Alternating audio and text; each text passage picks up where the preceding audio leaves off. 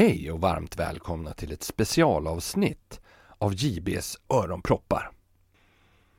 I augusti för 56 år sedan mötte världen ett helt nytt, allvarligare och mognare Beatles. Bandet var ganska slitet efter att ha varit på turnéer och arbetat i studion konstant i över tre år och dessutom hunnit göra två långfilmer.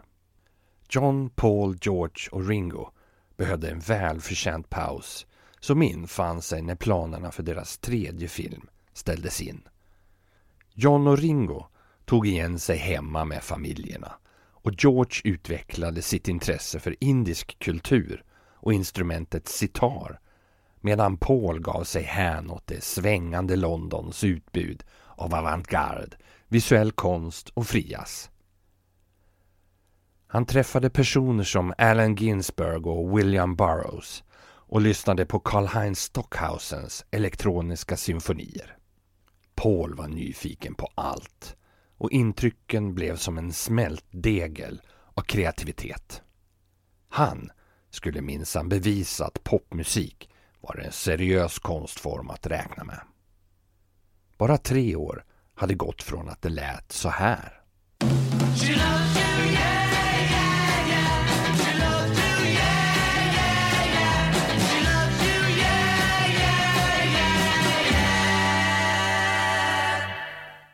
Den 6 april 1966 samlades Beatles i Abbey Road-studion för att påbörja inspelningarna utav den nya plattan. Och i vanlig ordning så var det en Lennon-låt som man startade med.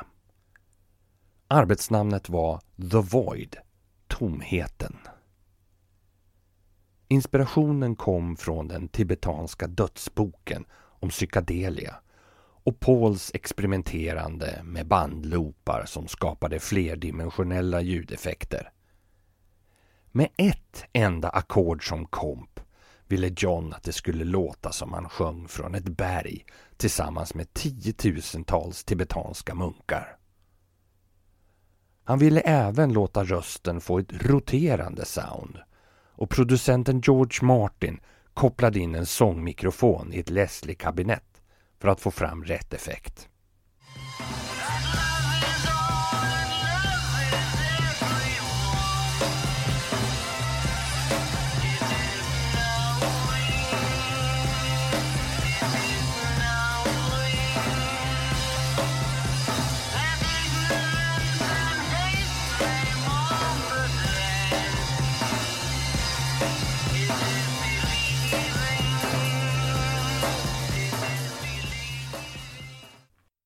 John och George hade experimenterat med drogen LSD när bandet turnerade i USA och fått första erfarenheten i Los Angeles tillsammans med bland annat skådespelaren Peter Fonda.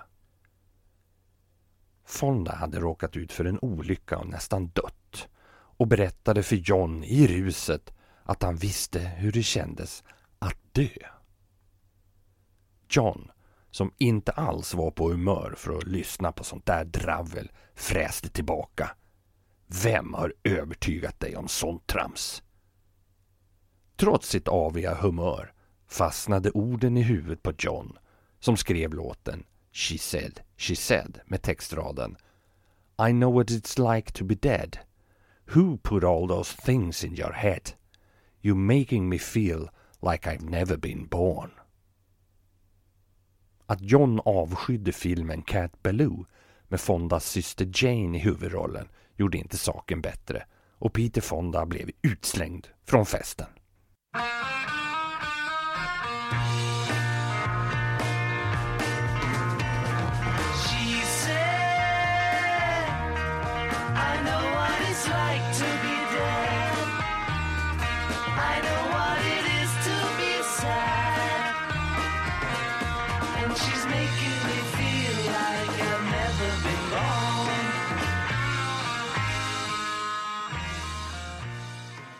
En så kallad kändistandläkare i London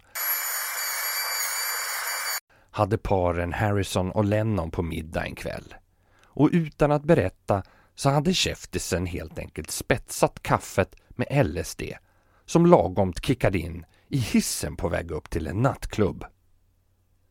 John har efterhand berättat att det kändes som att hissen var på väg till helvetet. Och när dörrarna öppnades störtade eldslågor in. You're on.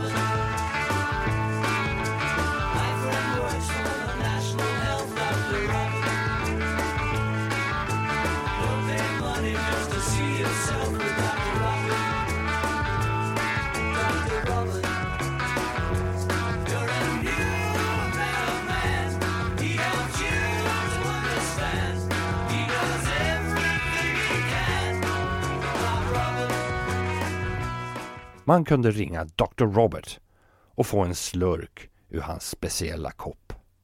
George hade länge varit den som var mest ekonomiskt intresserad bland de fyra och nu hade han lackat ur på grund av de skyhöga beskattningarna på deras inkomster. Protesten kom redan i öppningsspåret av den nya plattan och än idag så inser man hur bra kristallkulan fungerade. George sjunger If you get too cold, I'll tax the heat. If you take a walk, I'll tax the street. George funderade på ett lämpligt gitarrsolo men fick inte riktigt till något bra.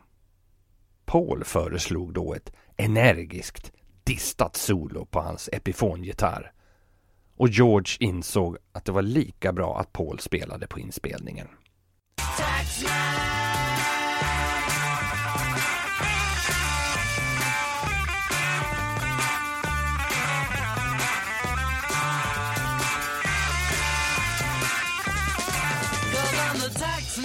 På så sätt så är det alltså McCartney som spelar sologitarr på en Harrison-komposition. Olika körer testades också. Man gick ifrån den här snabba ramsan sjungen av John och Paul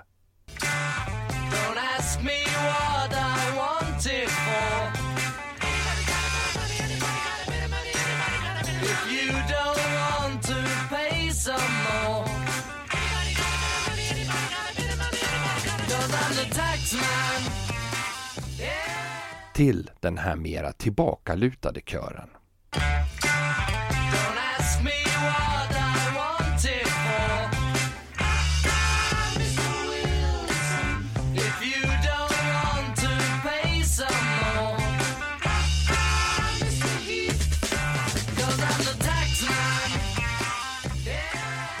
Wilson var premiärminister och Heath var oppositionsledare i Storbritannien vid den här tiden. Båda fick sig rejäla kängor. Paul då? Vad hade han lyckats komponera? Jo, en låt om en märklig karaktär vid namn Ola Natanji som hade en pipa gjord av lera som han rökte så att hans tankar blåstes iväg i skyn. Melodin var mörk och sorgsen och den skulle bli en av Beatles mest spelade låtar och även en av de mest mytomspunna titlarna på en låt. Var det en gravsten i Liverpool som titeln var hämtad ifrån? Paul menar själv att det inte är så. Under inspelningen av filmen Help 1965 hade John en liten fling med skådespelerskan Eleanor Braun och på turné hade Paul sett en affär som hette Rigbys. I sann McCartney-anda hade allt sorterats ner i minnesbanken och dök nu upp som Eleanor Rigby. Rigby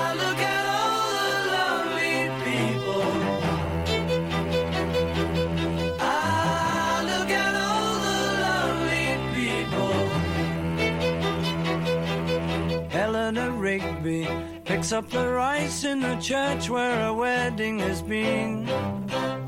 Lives in a dream, waits at the window, wearing the face that she keeps in a jar by the door. Who is it for? All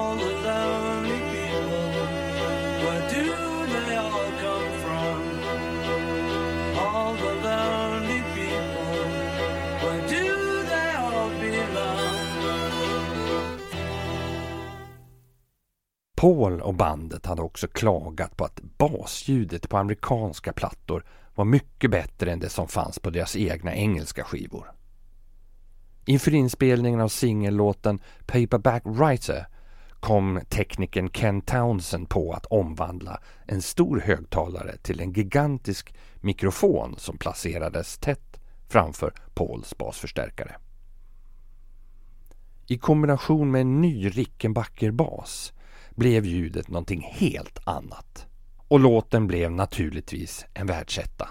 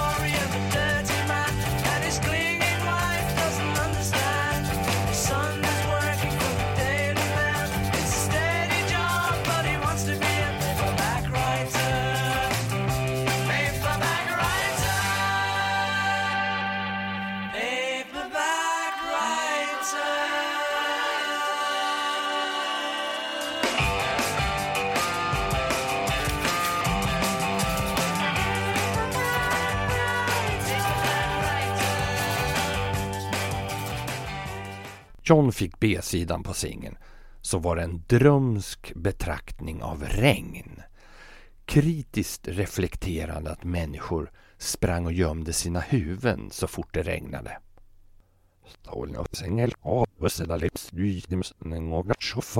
Det här var första gången som ett ljud spelades upp baklänges på en låt.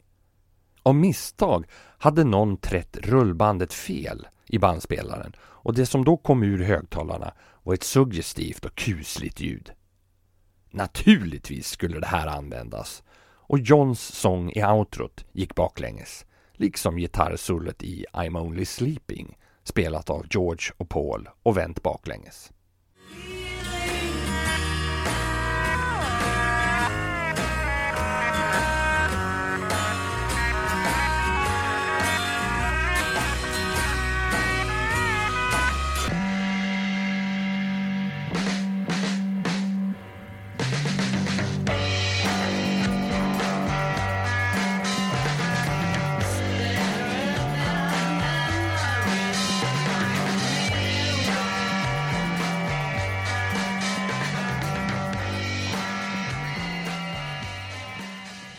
Näst sista låten på plattan var en soul-osande sak som genomgick många versioner innan slutresultatet nåddes. Vid en orgel sjungandes satt Paul och de andra kompade denna tidiga tagning av Got to get you into my life. I was alone, I took a ride, I didn't know what I would find there Another road where maybe I could see another kind of mind there. Ooh, suddenly... Som utvecklades till en mer rockig version med mycket gitarrer.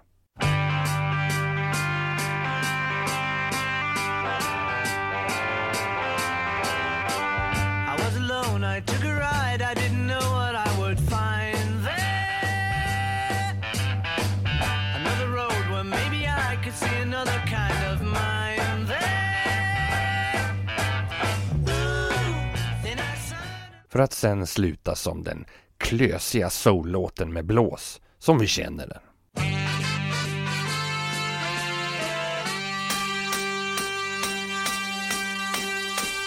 I was alone, I took a ride, I didn't know what I would find there.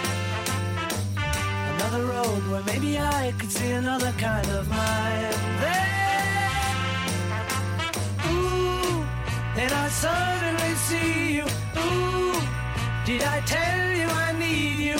Every single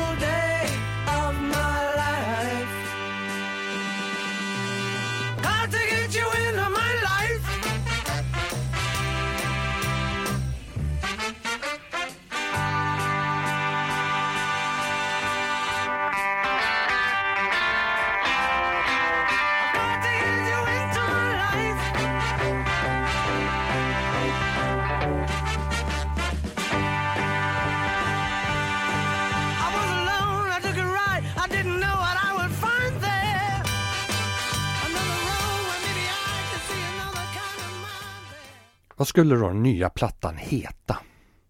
Magic Circle? Four Squares of a Circle? Beatles on Safari? Inget passade den här omvälvande samling låtar som till och med Beatles innersta krets av vänner och medarbetare var oroliga för hur den skulle tas emot av fansen. Vi kommer nog att förlora några, men också locka till oss nya fans, sa Paul. Vad gör en skiva? Den snurrar på skivtallriken. En snurrande Beatles-skiva är en omvälvning, som på engelska blir översättningen Revolver. Och idag släpps den igen, helt ommixad av producenten George Martins son Giles.